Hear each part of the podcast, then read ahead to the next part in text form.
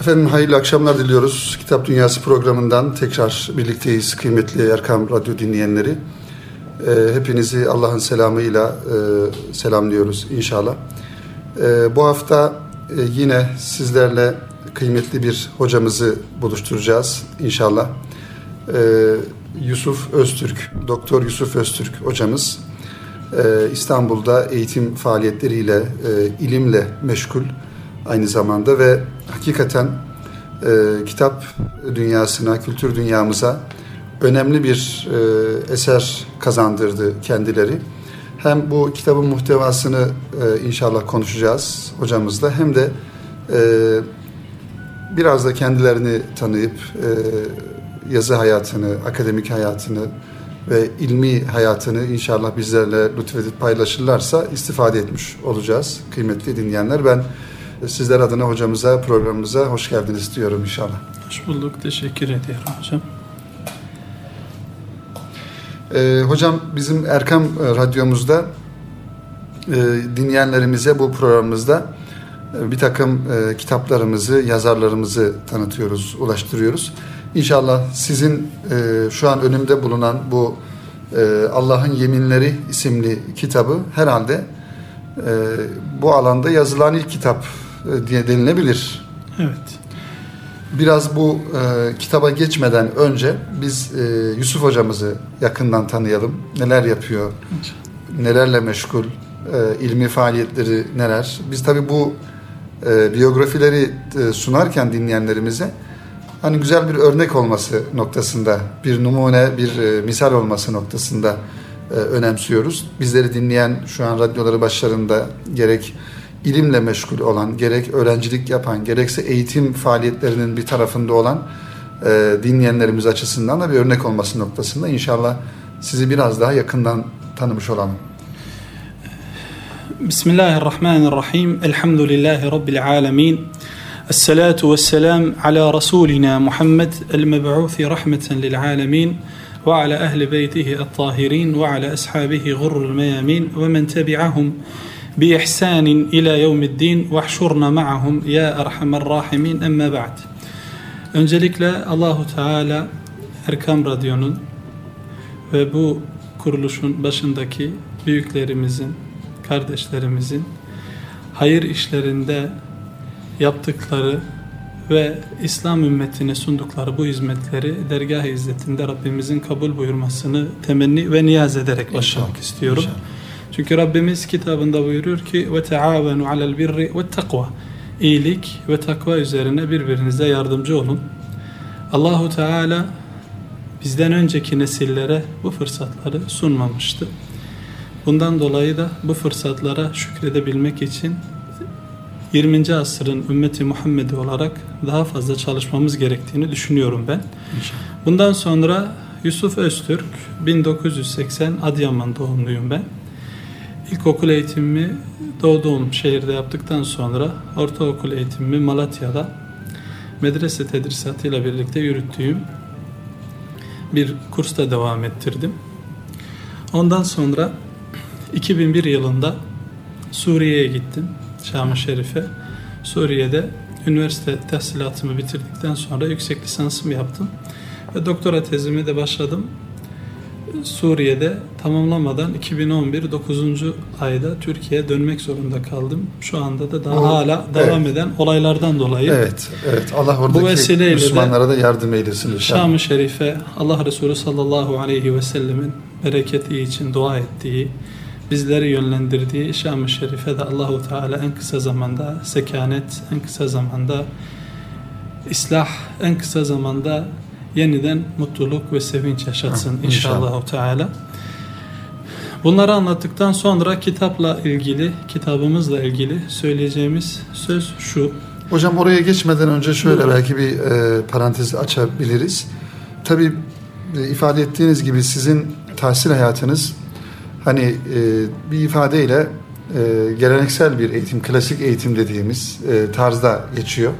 Tabii hani bizim ecdadımızın ee, özellikle Osmanlı döneminde medrese usulü dediğimiz e, eğitim tarzı aslında e, ülkemizin bazı bölgelerinde devam ettiriliyor. Hakikaten Evet. bu da e, sevindirici bir durum. O geleneksel eğitim devam ettirilmesi.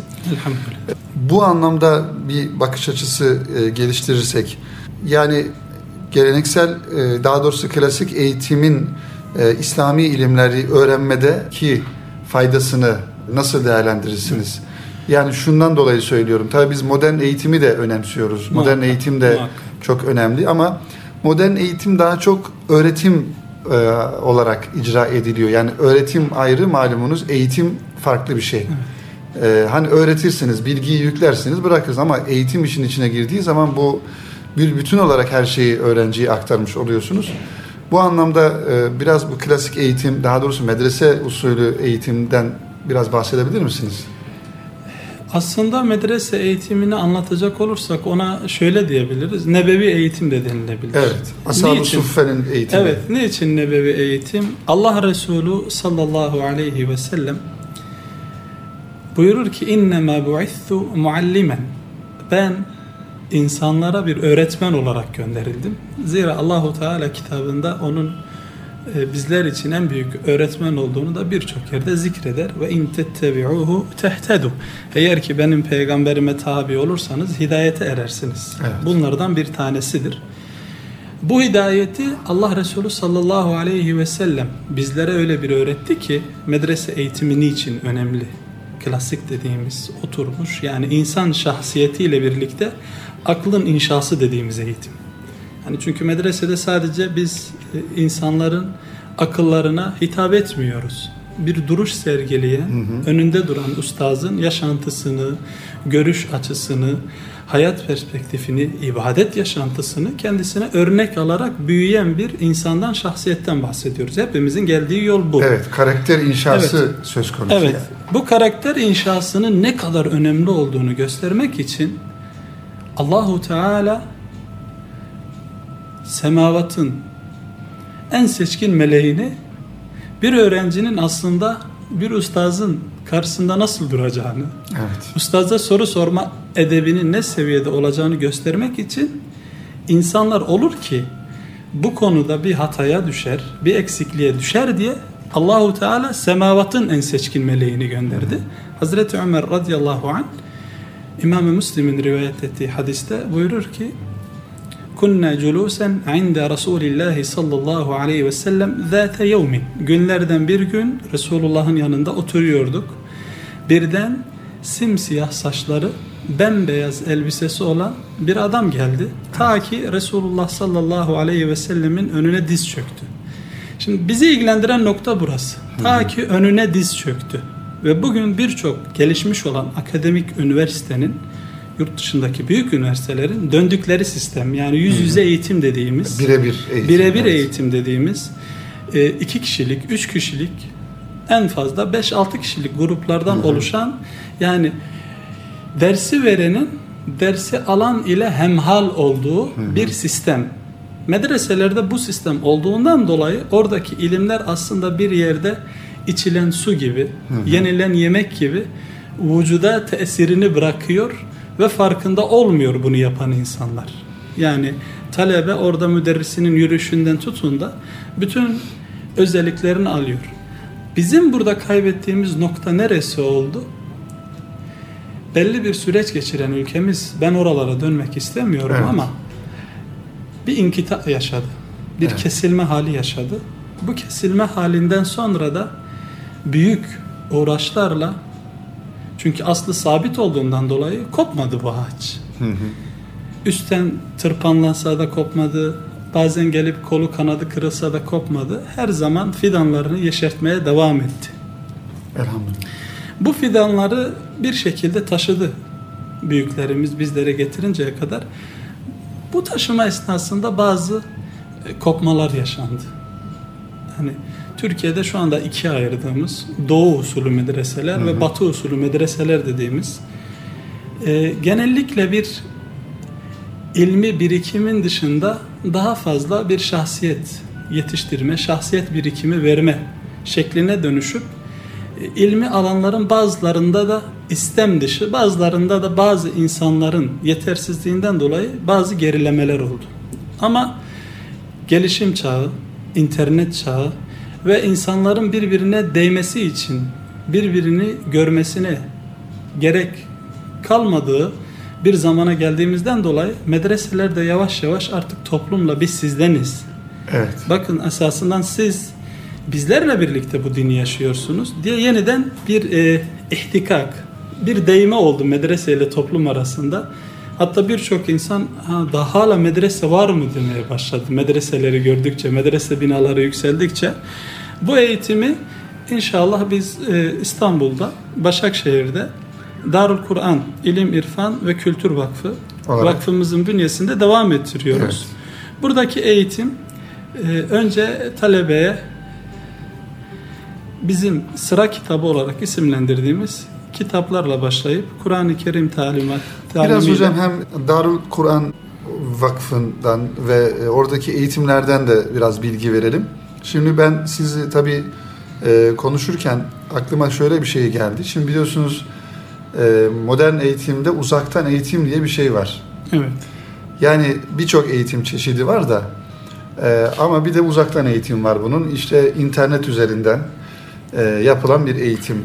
Yani birebir eğitim ya da yüz, yüz yüze eğitimin faydaları, güzelliğini diyelim düşünürken, konuşurken bir de uzaktan uzağa bir eğitim. İşte burada daha doğrusu uzaktan uzağa öğretim diyelim buna. Yani karşılıklı bilgilerin transfer edilmesi. Burada bir inşa yok, bir karakter eğitimi yok, bir yani bir ahlaki aktarım yok. Dolayısıyla hani e, uzaktan eğitim e, alan ya da bu anlamda bir eğitim mantığını benimseyen toplumlarda da herhalde birçok eksiklikleri görmek mümkün. Hem siz şu an fiili olarak e, bu işi icra ediyorsunuz. Yani öğrencilerinize neler okutuyorsunuz, nasıl bir yol takip ediyorsunuz bir eğitim eğitimci olarak, bir muallim olarak? Estağfurullah. Sözleriniz beni e, şuraya götürdü. Resulullah sallallahu aleyhi ve sellem vefat etmeden önce Allahu Teala kendisine Nasr suresini indirdi. Evet. Nasr suresinde bir ayet vardır. وَرَأَيْتَ النَّاسَ يَدْخُلُونَ ف۪ي د۪ينِ اللّٰهِ اَفْوَاجًا Evet. Sen insanları fevuç fevuç, dalga dalga İslam dinine girdiklerine şahit olursun. İşte büyük insanlardan birisi buyurur ki Resulullah vefat ettikten sonra bu dine fevç fevç girenler fevç fevç de çıktılar. Hmm. Evet. Biz Allah peygamberine kitabında huz min emvalihim sadakaten diyor. Onların mallarından sen bir şeyler al diyor. Bizim için Ebu Bekir alamaz ki dediler. Allah peygamberine al dediler. Yani uzaktan eğitimle ilgili konuşuyoruz ya. Bunlar uzaktan eğitim almış olan insanlardı. Medine'de bu irtidada şahit olmadık mesela. Evet. Yani şu anda bir anda siz konuşurken benim aklıma bu geldi. Doğru. Medine'de irtidad olmadı. Fevç fevç dinden çıkma olmadı. Çünkü her Yakın her, eğitim- her sahabi efendimizin halkasındaydı zaten. halkasındaydı. Bun, bu ayetten neyin kastedildiğini Resulullah'ın uygulamasıyla birebir gördüler. Ama uzakta olan Bedeviler, Medine'ye, Mekke'ye diyelim uzakta olan insanlarda bu durum yaşandı. Bu da yakın eğitimle uzaktan eğitim arasındaki farkı bence ortaya Çok koymada güzel. Evet. güzel bir örnek Evet. teşkil eder. Zira e, Allah bir peygamber gönderdi ve bu 23 yıllık risalet hayatında ve veyahut risalet hayatına şahit olanlarla gördüğümüz şeyler aslında bugüne iyi yorumlanırsa birçok cevap da ayrı pencerelerden bakıldığı zaman insanın önünde duruyor gibi. Şu anda siz bunu sorarken benim aklıma o geldi. Bu irtidat niye Medine'de olmadı? Çünkü yakın eğitim vardı. Yüz yüze birebir eğitim vardı Medine-i Münevvere'de. Medine dışında bu olmadığı için bu irtidat oldu. Medreselere gelecek olursak hakikaten Osmanlı gelişimini ilme ve ilmi gelişime borçluydu. Ne zaman ki fehmun sakim dediğimiz hastalıklı düşünce bu ümmetin arasına girmeye başladı. İlim bizi dinden uzaklaştıracak. İlim bizi dine yaklaştırmayacak düşüncesiyle ilimden uzaklaştık. Gerilemeye de şahit olduk. Halbuki bu Osmanlı Devleti dediğimiz devlet, bu büyük imparatorluk, dün, bilinen dünyanın üçte ikisine hükmeden devletin eğitim sistemidir medrese. Evet. Yüzyıllarca devam etmiş değil Evet. mi hocam? Yani Yani bunu bir kereden alıp sökmek imkansızdı. Zaten yapılamadı. Yapılamadı. Denense de yapılamadı. İnşallah bundan sonra da ben yapılabileceğine inanmıyorum. Çünkü nebevi bir sistem bu. evet. Vallahu Teala peygamberinin diliyle mezale taifetun min ümmeti zahirin alel hak durmadan bu ümmetin içinde hakkı ifşa eden insanlar olacak diyor. Bu her konum için geçerli. Eğitim için geçerli, siyaset için geçerli, e, sanayi için geçerli. İslami bir duruş sergileyen insanlar her yerde olacak. E, Bence bunu yapan akademik e, kardeşlerimiz Türkiye'de şu anda ilahiyat bünyesinde özel olsun, e, devlete bağlı kurumlarda olsun. Onlar da bunun bir yerinde duruyor. Biz kesinlikle e, onların çalışmalarına, onların ders tedrisat şekillerine karşı değiliz.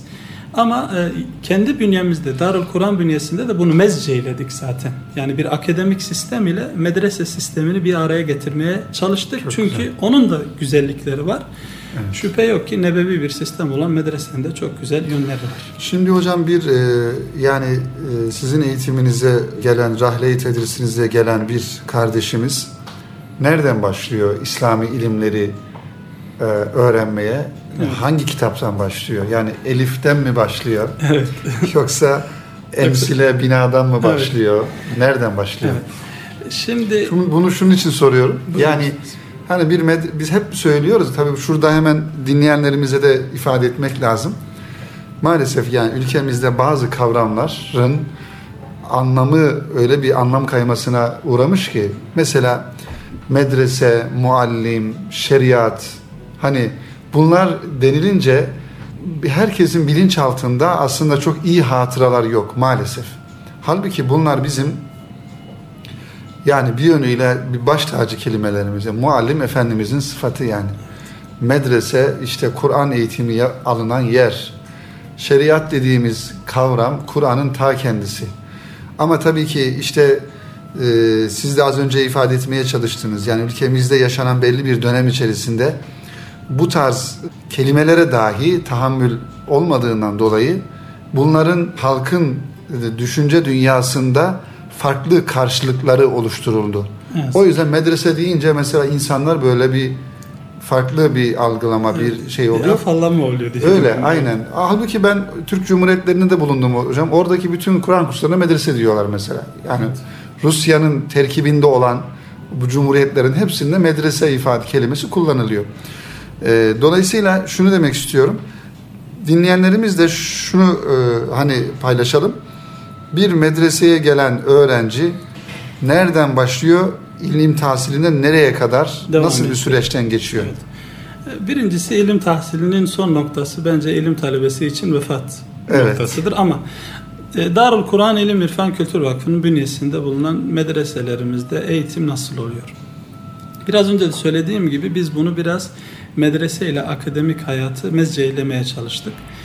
Biz öncelikle 8. sınıfı 8 sene olan eğitimi bitiren talebelerimizi alıyoruz. Tabi bu alışla ilgili bazı şartnamelerimiz var. Bu talebelerimizi 10 ay süren her bir tanesi iki buçuk ay olan dört dönemlik bir kursa alıyoruz. Bu kursta talebe pratik Arapça öğreniyor. En büyük sıkıntılarımızdan bir tanesi de bu. E, medreselerimizde yetişip tahsilatını tamamlamış olan kardeşlerimiz Arapçayı konuşamıyorlar. Evet. Kendi dilleri olmadığı için. Şu anda vakfımızın bünyesinde üç tane ve her üçü de doktor olmak üzere e, Arap kardeşimiz bizimle birlikte faaliyet gösteriyor. Özellikle bu 10 aylık ilk başlama sürecinde bu kardeşlerimiz var. Özellikle ben bunu tercih ettim Evet. ve bunun böyle olmasını istedim ki yani bir Arap'la birbirine değsin öğrenci geldiğinde.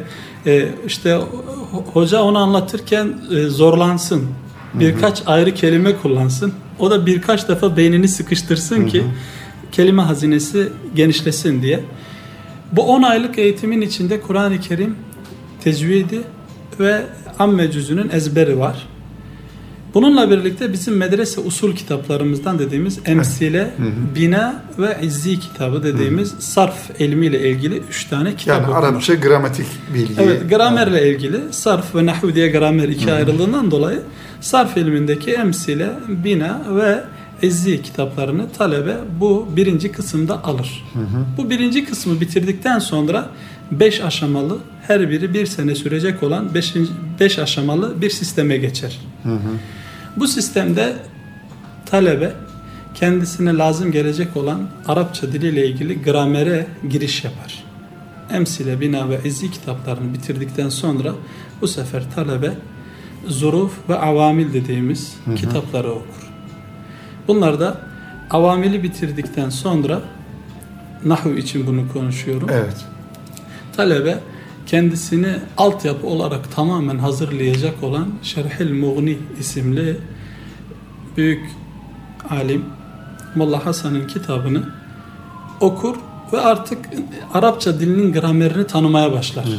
Bununla birlikte bu ilk senesinde siyer, hadis, tefsir ve akide ilimlerini de alır. Tabi buradaki kitaplar da tıpkı biraz önce sö- söylediğim kitaplar gibi tedricen yani küçük kitaptan orta kitaba, büyük kitaba diye beş aşamalı bir senemiz var. Birinci senesini bu şekilde bitirir talebe. Bundan sonra yine bir en son sarf kitabı olarak Tedricül Edani diye Sa'dullahi Sagir olarak bilinen, Sa'dini olarak daha doğrusu bilinen sarf kitabı okur. Ondan sonra Hallul Ma- Maakid isimli İbn Hişam'ın cümle yapısı, Arapçadaki cümle yapısı ile ilgili kitabını okur. Bunlarla birlikte yine e, alt sınıflarda aldığı derslerine devam eder. Tabi burada e, kitapların tek tek ben isimlerini vermeyeceğim. Evet. Bu ilimleri yine almaya devam eder. Tabi artık talebe burada ikinci kademeye geçtiği için biz ona yavaş yavaş usuleyn de vermeye başlarız. Usulü fıkıh ve usulü hadis de girer devreye. Usul hadis ve usulü fıkıh da okur. Üçüncü aşamaya geçtiğinde birazcık daha e, Arapça dilinin bu sefer mezhepsel olarak nasıl ki işte şu anda fıkıhta bazı mezhepler var. Arapçada da mezhepler var, görüşler var. Mesela Kufilerin ve Basrilerin dediğimiz gibi görüşleri var. Veya bazı kabilelerin kendilerine has bazı e, sigaları kullanma durumları var.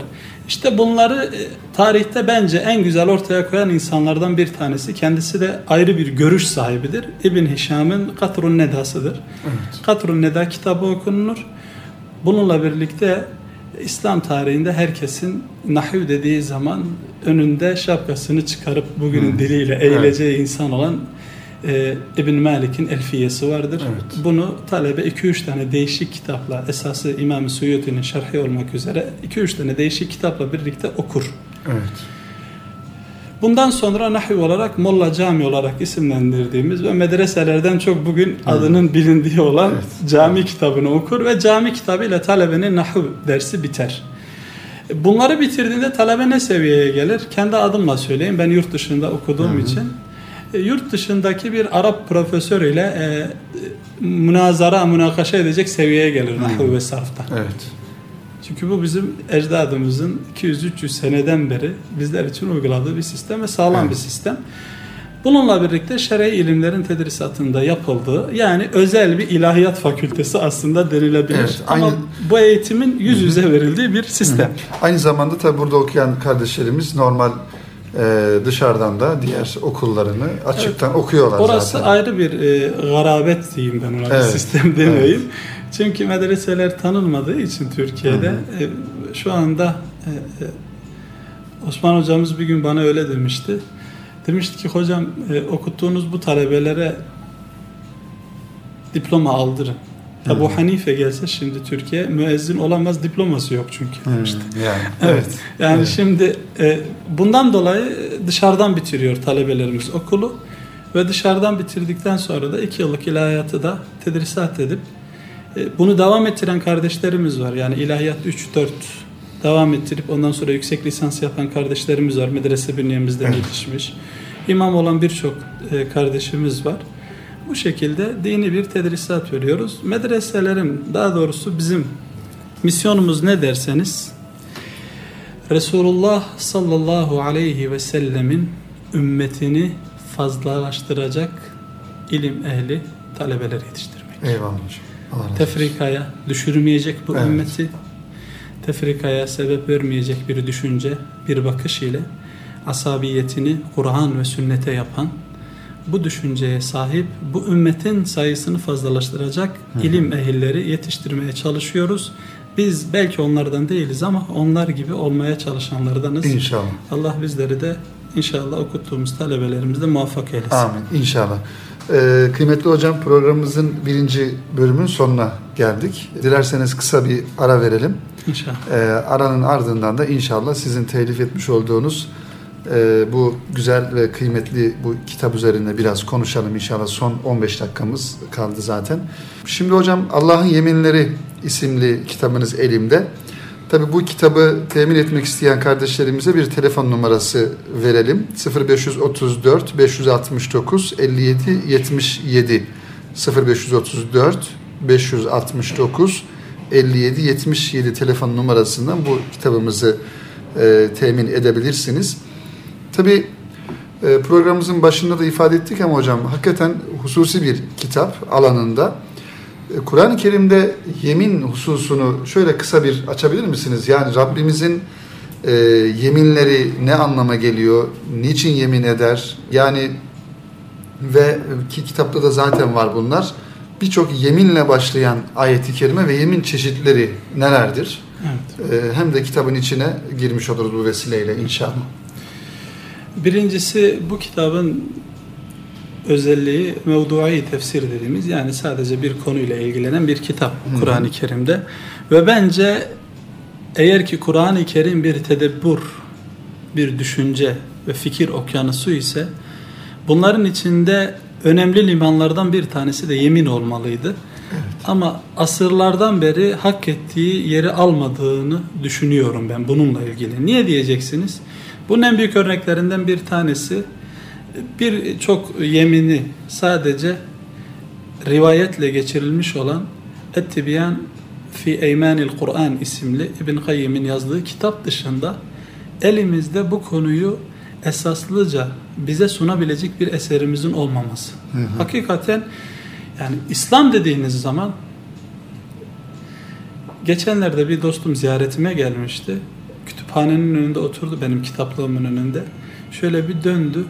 Dedi ki hocam herhalde bu kitaplar bile şahittir. Yeter bence. Bizim dinimizin hak din olduğunu görmemiz için. Evet. Çünkü bir Kur'an var bir de sünnet var. Bunlardan bu kadar ilim yazılabiliyorsa bu Evet. delildir ki bu Allah'ın kelamıdır. Evet. Çünkü biz bir Tevrat'ın, İncil'in bu şerihlerini, bu tefsirlerini, bu manalarını göremiyoruz. Hı hı. Yüzyıllardır sadece bir tane eser var, hı. bir tane yazılı metin var. Evet. O metin elden ele tedavül ediliyor. Bunun Doğru. bir şerhi böyle bir şey, bu da ümmetin e, güzelliği, ümmetin Evet. hakikaten e, son hatem olan peygamberin devamlılığının bir göstergesi. Bir ispatı bir Evet, yönüyle. ispatı bir yönüyle dediğiniz gibi. Şimdi bu konuya neden yaklaşılmamış? Orası da çok önemli. Birincisi benim kalbimi açan Allahu Teala kendisine rahmet eylesin. Allah Resulü sallallahu aleyhi ve sellemin buyurduğu gibi el hayru fiyye ve fi ümmeti ila yevmil kıyame. Hayır bendedir ve ümmetimdedir. Kıyamete kadar bu iş böyle devam edecektir buyuruyor Evet. Resulullah sallallahu aleyhi ve sellem. Bu konuya bir taraftan değinen bir yazı okudum ben bir gün. Hmm, Allah'ın yeminleri Evet. konusuna. Ebu'l Hasan el-Nedevi Allah rahmetullahi rahmet aleyh. Evet. Adiyat suresi ile ilgili kafasına birkaç soru takılır. Mukaddime kitabında onunla ilgili birkaç şeyden bahseder. Hı hı. Beni uyandıran o oldu aslında. Der ki adiyat Yani kıvılcım çaktı evet o yazıyı. orada okuyunca. yani yani bunun bir e, sevabiti olmalı bu konunun. Çünkü bir konu bu. 53 yerde kullanılmış. Özellikle kitabımızda da ele aldığımız 14 tane yeminde biz Allahu Teala'nın yeminlerinden hangilerini seçtik? Zavata yapılmış yemini seçtik. Hmm, Yani Allah'ın kendi zatına yaptığı yeminlere yaklaşmadan amme cüzünde ve benim tevhid cüzü dediğim tevhid Evet. cüzü cüzündeki 14 tane yemini aldık. Mesela incir, mesela fecir, mesela duha. Bunlara bakmak istedik. Adiyatla ilgili imam ne der? Ki Adiyat suresi Nuzul surasında 14. sıradadır. Ama tefsirleri açtığımızda müfessirler bununla ilgili iki tane kavil, iki tane görüş bildirirler. Derler ki birincisi mücahitlerin atlarıdır. Çünkü mücahitlerin atları Allah katında çok yücedir. Bundan dolayı da Allah bunlara yemin etmiştir. İkincisi de hacıların develeridir. O develer hacıları Arafat'tan Müzdelife'ye, Müzdelife'den Mine'ye taşırlar. Ama der ki o zaman ne Allah'ın istediği bir hac vardı ne de cihat edilecek bir ümmet, bir bayrak vardı. Evet. Burada başka bir şey olmalı der ve başka bir yönle bakar. Beş tane yemin ayetini saydıktan sonra yemin ayetlerinin cevabı olan İnnel insane li rabbihi lekanut şüphe yok ki kişi Rabbine karşı çok nankördür. Nimetlerini açıklarken şöyle açıklar der ki burada aslında yemin edilen atın vefası mahlukatın kendisinin gerçek Rabbi olmayan, sahibi olmayan kişiye karşı vefası ve kişinin Rabbine karşı vefasızlığı darbul meselle bizim teşbihul beligh dediğimiz belagatta bir teşbihle kendisine gösterilmek isteniyor. İşte bu benim kalbimde bir uyanış uyandırdı. Evet. Dedim ki bütün yeminlere böyle sevabitle yaklaşılabilir. Çünkü niye? Yeminlere şu esastan yaklaşıldı tarihimiz boyunca. Kendisine yemin edilen olgular yüce olgulardır. Bundan dolayı Allah bunlara yemin eder. Bütün tefsirlerde genellikle genellikle söylüyorum bu yüceliğin etrafından dönüp buna göre tefsirler yapmaya çalışmışlardır. Ama bunu bize gösterecek tek bir delil bile yoktur. Tek bir şey bulabilirsiniz bununla ilgili. Yemin ayetlerinin kullandığı İmam Tirmizi ve Ahmet bin Hanbel'in rivayet ettiği Efendimiz sallallahu aleyhi ve sellem buyuruyor. Men sarrahu en yanzura ila yevmi kıyametin keennehu ra'ye aynin felyakra İza şemsu kuvirat İza sema'un şakat ve İza sema'un fatarat Kim kıyamet gününü gözüyle görmek istiyorsa bu üç sureyi okusun. Hadisi vardır sadece. Bunun dışında yeminlerin yüce olgulara yapıldığı, yeminlerin sadece Allah katında makamı olan şeylere, kıyamette şahit olacak olan şeylere yapıldığı veyahut Arapça dilinin bir uslubudur diye kullanıldığı Kur'an'a yakışmayacak tabirler olarak duruyor gibi. Çünkü niye diyeceksiniz? Hakka suresinde Allah buyurur ki فَلَا اُقْسِمُ بِمَا تُبْسِرُونَ وَمَا لَا تُبْسِرُونَ Görüp görmediğiniz her şeye yemin olsun. O zaman her şey yücedir ki bu içinden çıkmaz bir durum alır. Biz yemine şöyle yaklaştık. Bu yemin bizleri tedebbüre davet eden Kur'an'ın bir tedebbür ve düşünce yönüdür. Biz bunları iyi anlarsak bu yeminlerle aslında Rabbimizin bizden istediği bazı şeyler var, bazı durumlar var. Bu düşüncelere iyi yaklaşırsak bu Kur'an kalbimizde bu düşünceleri uyandırıp bu yeminlerin Allah'tan geldiğini bilip bu yeminlerle kendimize ibretler çıkarmalıyız. Yani bir terbiyevi uslup diyebiliriz yemine. Şuna da geçmek istiyorum çok çabuk. Sonuna doğru geldik. Programın Evet. nasıl geçtiğini de ben anlamadım. Evet, Allah razı olsun. Bununla bize saldıran birçok insan var. Kur'an beşer kitabıdır diyen insanlar var yeminle ilgili. Çünkü niye? Madem ki Allah yücedir diyorsunuz sizin görüşünüzde. Peki nasıl olur da yeryüzündeki basit bir incire yemin eder? Evet. Nasıl olur da bir ata yemin eder? Diye bize saldıran Nasıl bir cevap veriyoruz hocam? Nasıl bir cevap veriyoruz? Diyoruz ki kasıt orada incir değil, kasıt orada at değil. Kasıt orada mesela ve tini ve zeytun ve turi sinin ve hadel beledil emin. Sondaki iki kasem ve turi sinin ve hadel beledil emin açıklıyor aslında. Orada yemin edilen incir değil, incirin yetiştirdiği, yetiştiği beldedir. Nuh Aleyhisselam'ın risaletidir.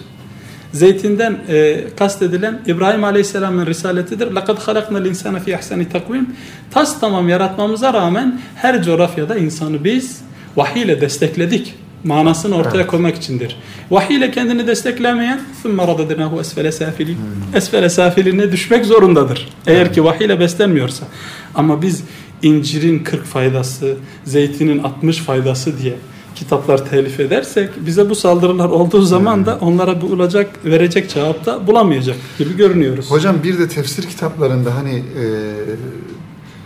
Cenab-ı Hakk'ın üzerine yemin etmiş olduğu e, hadiselerin ehemmiyetinden e, o olayın öyle bir yaklaşımı da var. Yani Yani bunun gibi birçok söylem var aslında. Şu anda da özellikle Türkiye'de yeni bir furya var bildiğiniz gibi. Ee, Kur'an bize yeter düşünceli Evet, bazı maalesef. kardeşlerimiz var. Bunlarda daha neler neler var. Tabii biz e, insanlara cevap doğuracak şeylerden uzak durmaya çalışıyoruz. Çünkü biraz önce söyledim. Biz ümmeti Muhammed'i çoğaltacak olan insanlar yetiştirmeye çalışan İnşallah. insanlarız. inşallah. Çünkü teferruk hiçbir zaman hayır değildir. Tefrikada da hiçbir zaman hayır yokturdur. Evet. Allah ondan bizi muhafaza eylesin. Amin. Bu yeminlerde bu kitapta özellikle okuyucunun bulacağı şu var. Evet hocam. Kendisine yemin edilen olgudan daha fazla kendisi için yemin edilen manayı bulacak Manayı okuyucu. Ve evet. dil çok kolay. Yani 14 bölümden oluşan bu kitabı bir kardeşimiz eğer isterse 14 gecede bitirebilecek bir Evet. şekilde kendisine sunmaya Tabii çalıştık. burada siz de ifade ettiğiniz Kur'an-ı Kerim'de geçen bütün yeminleri e, ihtiva etmiyor. Evet inşallah o çalışmada olacak. O da inşallah hocam onu da bekleriz daha geniş bir çalışma. Bu sizin e, doktora Arapça olarak yazdığınız doktora tezinizin bir yönüyle Sadeleştirilmiş. Türkçeleştirilmiş ve sadeleştirilmiş özeti hali diyelim Evet, evet. e, inşallah. Hocam inşallah faydalı olur tabi bu kitabımız, e, kitabınız.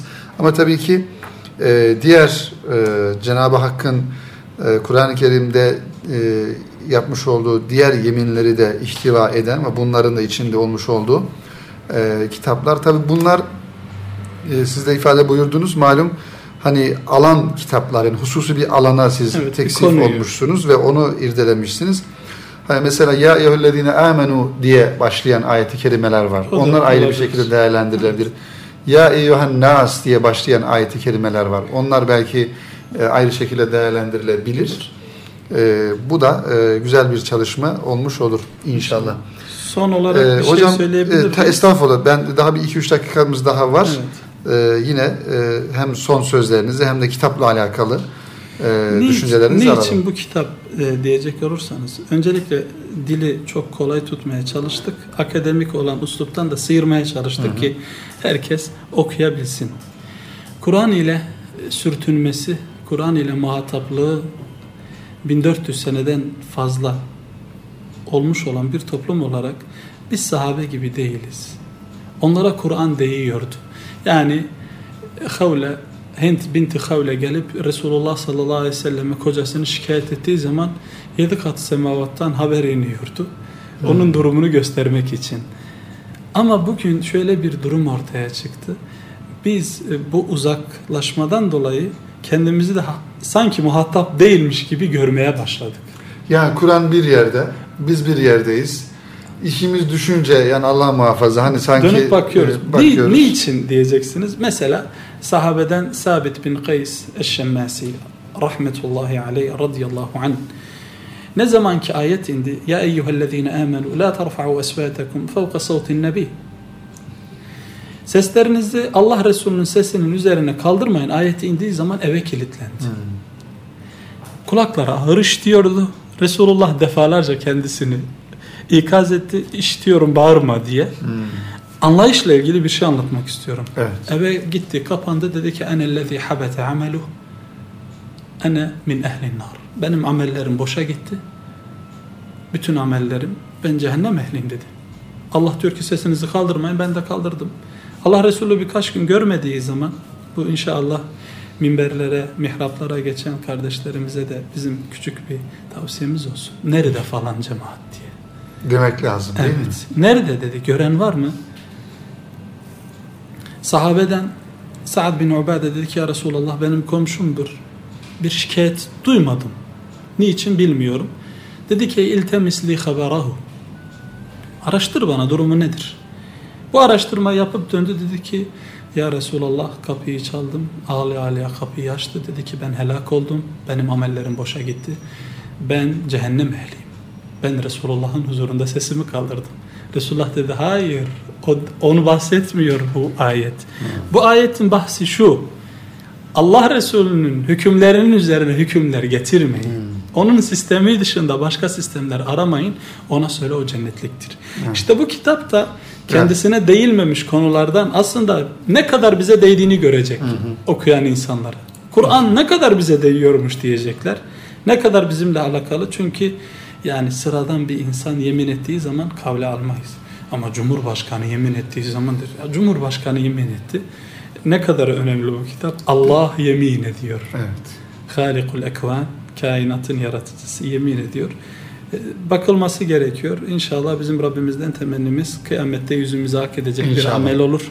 İnşallah. Vefat ettikten sonra ilmun yuntefa'u bihi kendisinden faydalanan bir ilim olarak kabrimizde de bize inşallah Teala sevaplar olarak sunulan amellerden olur. Allah razı olsun. İnşallah. Teşekkür ediyorum. Rabbim e, Eddalu al- alel hayri kefailihi Evet, diyor inşallah. Resulullah sallallahu aleyhi ve sellem. Hayra delalet eden onu yapmış gibidir. Siz çok büyük bir iş yapıyorsunuz. Allah İnşallah.